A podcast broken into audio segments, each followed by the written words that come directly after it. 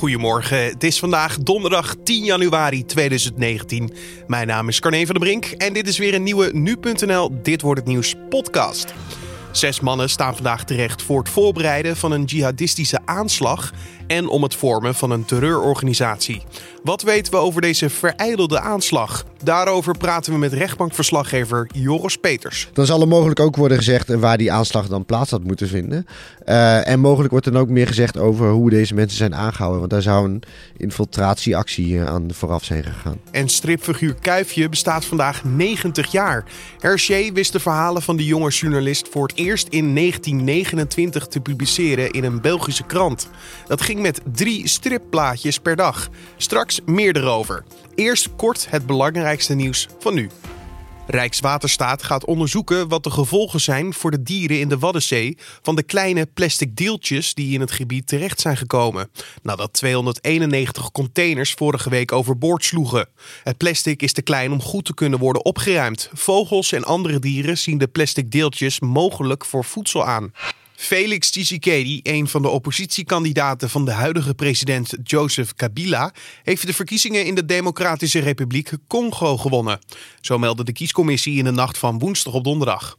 De deken van de Amsterdamse Orde van Advocaten onderzoekt het optreden van advocaten in het proces tegen Willem Holleder. De orde wil onder meer opheldering over het gebruik van de vertrouwelijke telefoonlijn waarmee advocaten met hun cliënten kunnen bellen zonder afgeluisterd te worden. Aanleiding is de publiciteit rond een gesprek tussen misdaadverslaggever Peter R. de Vries en Holleder in 2011. De Vries belde met Holleder op het kantoor van dienst toenmalige advocaat Stijn Franke. Daarbij zou hij gebruik hebben gemaakt van de zogeheten geheimhouderstelefoon. Die is alleen bedoeld voor communicatie tussen de advocaat en de cliënt. De bouwers van het vreugdevuur in Scheveningen willen voortaan een kleinschaliger vreugdevuur en geen wedstrijd meer met Duindorp. Daarmee willen ze voorkomen dat het vreugdevuur opnieuw uit de hand loopt. De bouwers hopen dat er eind dit jaar een simpeler vreugdevuur wordt gebouwd.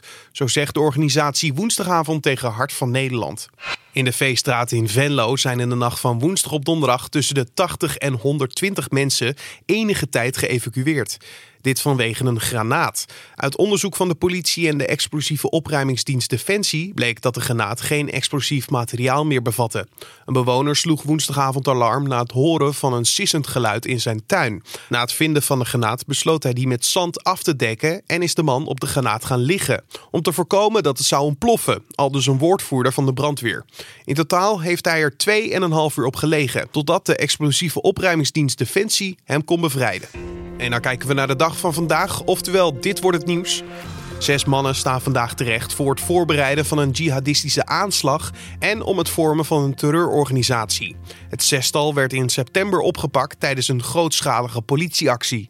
Ze zouden geweren en materiaal voor bommen en bomvesten hebben aangeschaft. Is er meer bekend over de soort aanslag die deze groep voor ogen had? Daarover hoor je rechtbankverslaggever Joris Peters. Nee, nee, nee. Ja, het zou gaan om een, om een groot evenement waar ze een aanslag wilden plegen. En als je ziet uh, welke spullen er al zijn aangeschaft, hè, die, die, die 100 kilo uh, kunstmest en zo, dan dan, kun je er ook, dan was de bedoeling om inderdaad ook een echt grote aanslag uh, te plegen. En dan mogelijk ook bomvesten en wapens en zo. Dus uh, ja, een groot evenement. Maar welk, ja, misschien dat dat meer dat dat duidelijk wordt hoor, vandaag op de zitting. Maar, uh... Ja, want we hebben het over een not, nog niet inhoudelijke zitting. Nee. Dus de, ja, de inhoud slaan we vanzelfsprekend over. Maar ja. je komt wel alvast dat wensen van advocaten naar boven. Nou ja, wat je, wat je doet op zo'n proforma zitting is dat je gewoon de stand van het onderzoek wordt dan besproken. Om de, na zoveel tijd he, hebben de verdachten het recht om voor de rechter te verschijnen die dan bepaalt of zij vast moeten blijven zitten. Uh, dus dat krijgen we te horen en dan zal er vast, dan zal er mogelijk ook worden gezegd waar die aanslag dan plaats had moeten vinden. En mogelijk wordt er dan ook meer gezegd over hoe deze mensen zijn aangehouden, want daar zou een infiltratieactie aan vooraf zijn gegaan. Maandenlang onderzoek, al dus de politie. Ja. Uh, sommigen waren eerder ook al in beeld bij instanties. Ja. En je zegt een undercover operatie. Ja. Dat klinkt behoorlijk spannend en misschien potentieel ook wel gevaarlijk voor de undercover agent. Ja, dat, dat, dat, sowieso. Ik bedoel, en um, je, je, moet ook afwachten hoe dit zich gaat uitspelen. Hè? Want um, uh, wat, waar, wat, wat de advocaten al een beetje hebben door laten schemeren, zo van. Uh, de, onze cliënten zijn uitgelokt door deze, door deze infiltratieactie. Uh, en die zijn eigenlijk aangezet tot strafbare feiten. En misschien waren ze wel helemaal niet van plan om een grote aanslag te plegen. Dat, dat, dat zal zeker gebeuren. Dus dat is nog wel even afwachten wat daar uh, de gevolgen van zijn. Drie van hen die waren al eerder bekend, toch? Ja, klopt. Drie zijn al eerder veroordeeld voor het uit willen reizen naar, naar Syrië. En uh, nou, dat, dat, dat zal ook de reden zijn waarom deze heren nog steeds in de gaten zijn gehouden.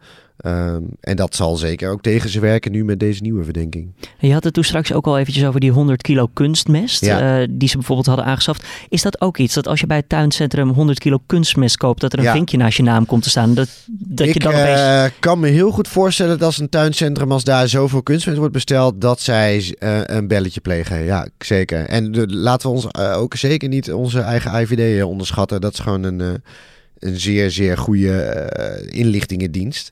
En die, uh, die uh, laat ze waarde nu alweer zien. Deze zes mannen die zijn dus nu opgepakt. waren er aanvankelijk zeven. Eentje ja. is inmiddels vrijgelaten. Ja. Um, maar ze hebben natuurlijk niet daadwerkelijk al die aanslag gepleegd. Het gaat allemaal om wat als en ze hebben ja. mogelijk en voorbereidingen. Kan dat betekenen dat ze dan een andere straf krijgen dan wanneer ze wel een aanslag hadden gepleegd? Uh, dat sowieso.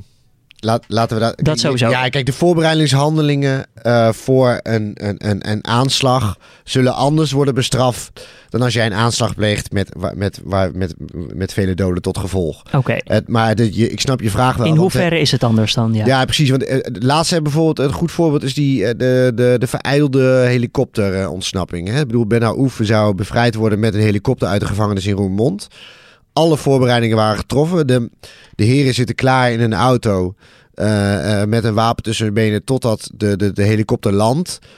Alleen dan wordt het niet voort, door, uh, voortgezet. Hè? En dan zegt de rechtbank: oké, we zien alle voorbereidingen, maar de uiteindelijke helikopterkaping heeft niet plaatsgevonden. En dus kunnen we die mensen daar ook niet op veroordelen. Nou, het Openbaar Ministerie is daar uiteraard niet mee eens in is hoger beroep gaan. Maar, maar dat is natuurlijk geen terreuraanslag. Dat is niet met het doel om mensen te doden. Nee, zeker. Dus dat, dat, zal, ook wel, dat zal dan ook wel uh, zwaarder bestraft kunnen worden. Ja. Hè? Als je inderdaad het voorbereidingen op het willen doden van. Alleen wat je terecht opmerkt, als de aanslag geen plaats heeft gevonden, kan je dan daarvoor worden bestraft. Nou, voorbereidingen zijn strafbaar. Um, maar ja, het is lastig. Er zijn uitspraken waarin het zeker wel is gebeurd. Hoor. Zo van ja, we zien gewoon wat jullie allemaal hebben gedaan. Maar uh, mogelijk dat de straf wel, wel laag. Maar dat is nu nog wel een beetje vroeg. Maar dat kan zeker gebeuren. Oké, okay, dus dit, het is in ieder geval spannend genoeg om te blijven volgen deze zaak. Zeker, zeker. Ja. Hoe lang gaat dit nog duren in totaal? Nou, dat is wel lastig, want dat ligt een beetje aan de stand van het onderzoek. Dat ligt ook aan de, aan de, aan de medewerking van, van, de, van, de, van de verdachte, heeft dat te maken.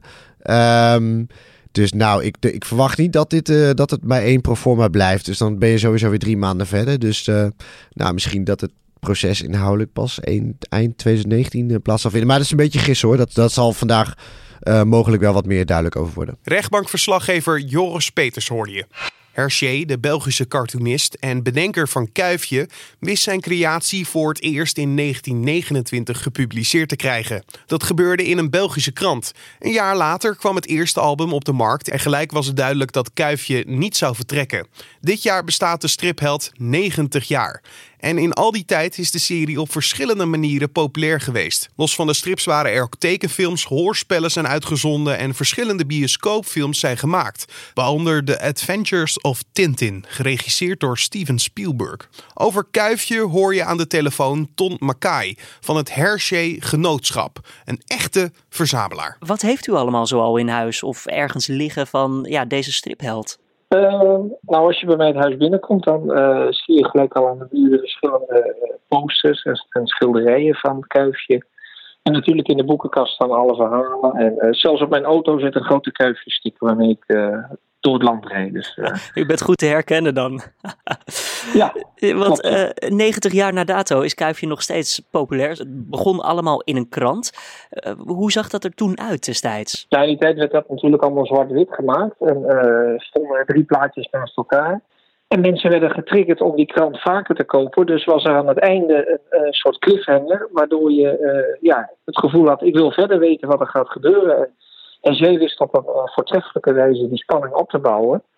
En dan na een aantal van die stroken uh, had je een compleet verhaal. Daarmee had Hergé misschien al direct voor ogen dat ze verhalen met elkaar verbonden moesten zijn. Uiteindelijk ook met de albums. Nou ja, uiteindelijk creëer je dan inderdaad een, een afgerond gedeelte. Waar, want binnen één verhaal gebeuren natuurlijk verschillende uh, spannende onderdelen, grappen en dat soort zaken. Maar uiteindelijk wel met één rode draad er doorheen. En als je dan een goed jaar verder bent, dan kun je daar zelfs een album van uitbrengen. Kunnen we dan stellen dat de serie eh, eigenlijk tijdloos is, in zekere zin? Ja, ja eigenlijk wel. Hè? Omdat er een heleboel zaken uh, niet gerelateerd zijn aan bepaalde politieke dingen of zaken waarvan je denkt dat moet echt uit die tijd zijn geweest. Kun je nog steeds niet zo'n verhaal pakken en lezen alsof het van deze tijd is. Op een paar kleine uitzonderingen na natuurlijk, maar er is ook wat kritiek geweest natuurlijk door de tijd heen vanwege bepaalde opvattingen in de strips. Um, is Kuifje daar wel onaangetast weer uitgekomen? Of zit er een beetje een vlek op de stripreeks nu? Ja, er is een paar maal wel geprobeerd om uh, met name Kuifje in Afrika of Kuifje in Congo, zoals de eerste titel was, te verbieden. Omdat daar natuurlijk allemaal uh, zaken in gebeuren met mensen die een donkere huidskleur hebben. Maar het is nooit verboden geraakt. Uh, het is altijd gebleven bij veel publiciteit rondom uh, ja, een bekende stripfiguur. Uh, proberen in, in, een, in een kwaad daglicht neer te zetten. Na jaren 30 was dat. En toen werd er heel anders nagedacht. Zeker in België, waar natuurlijk Congo natuurlijk destijds bij hoorde als onderdeel. En ja, dat, dat, dat zou nu inderdaad absoluut niet meer kunnen. Maar in die tijd was dat normaal. Na de dood van Hergé zijn er helemaal geen albums meer uitgekomen van Kuifje. Waarom is dat eigenlijk? Ja, Hergé heeft laten bepalen aan het einde van uh, zijn leven dat hij niet wil dat iemand anders met zijn creatie verder gaat. En uh, toen hij in 1983 overleed, uh, was hij ook bezig met een verhaal. En dat verhaal is onvoltooid verbleven, gebleven. Onvoltooid, dus daar gaat ook niet, niet iemand anders mag dat dus afmaken? Nee, Nee, dat mag niet inderdaad. zowel qua tekst, maar ook als tekening ligt dat ja, al ruim 35 jaar stil. Is dat positief eigenlijk? Want we zien bijvoorbeeld bij andere strips zoals Suske en Wiske. Nou, Willy van der Steen, uh, toen hij overleed, toen ging de strip gewoon door. Nu nog steeds redelijk populair. Uh, Kuifje, ja, daar komt niks meer van. We lezen het ook nog steeds, maar... Nou, je ziet nu dus uh, dat na zoveel jaren en nu nog steeds boeken over Hergé, boeken over Kuifje, studies verschijnen met nieuwe informatie, inzichten Waardoor het nog steeds interessant blijft. Onze vereniging brengt elk jaar twee clubbladen uit. Met allemaal zaken erin die eh, een heleboel leden nog niet weten. En daardoor ontdekken. Het, uh, blijkt zoveel inhoud in te zitten dat daar nog jaren op voort uh, kan worden. Ton Mackay hoorde in gesprek met collega Julien Dom. De rechtbank van Amsterdam doet vandaag uitspraak in de zaak die draait om de moord om de broer van de kroongetuige Nabil B. Het Openbaar Ministerie heeft 28 jaar cel geëist tegen Surendi S. De man heeft bekend dat hij Redouan B. op 29 maart van vorig jaar heeft doodgeschoten in Amsterdam. S wil uit angst niet verklaren van wie hij de opdracht heeft gekregen. En vandaag doet het gerechtshof in Den Haag uitspraken over welke onderzoekswensen worden ingewilligd in het hoge beroep tegen Geert Wilders. De PVV-leider staat vanwege zijn minder Marokkanen-uitspraak terecht voor groepsbelediging en het aanzetten tot discriminatie en haat tegen Marokkanen. En dan nog even het weer. Vandaag is het eerst wisselend bewolkt. Later in de middag neemt de kans op neerslag toe vanuit het noorden. S'avonds laat kan in Zuid-Limburg natte sneeuw vallen.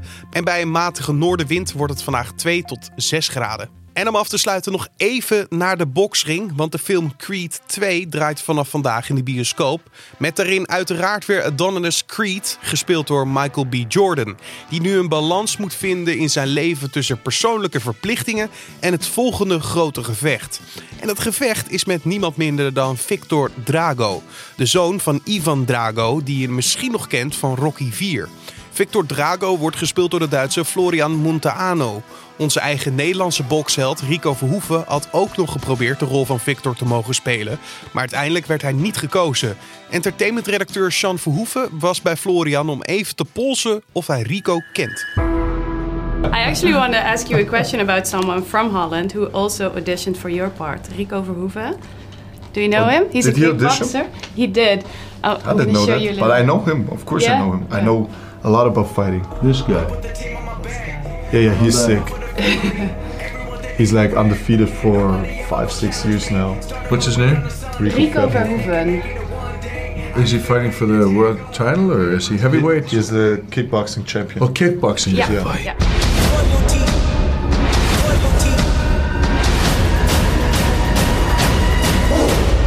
But I was wondering, why do you think you got the part and he didn't? Well, I only can speak for myself. I don't know him, uh, uh, how he is, how he is in personal life. But the thing with that role is, and I think a lot of people underestimated it uh, and didn't know about it, is that I'm not playing a, typical villain here. This character, you had to fulfill this character with a lot of emotions and a lot of heart. I got, I got, I got,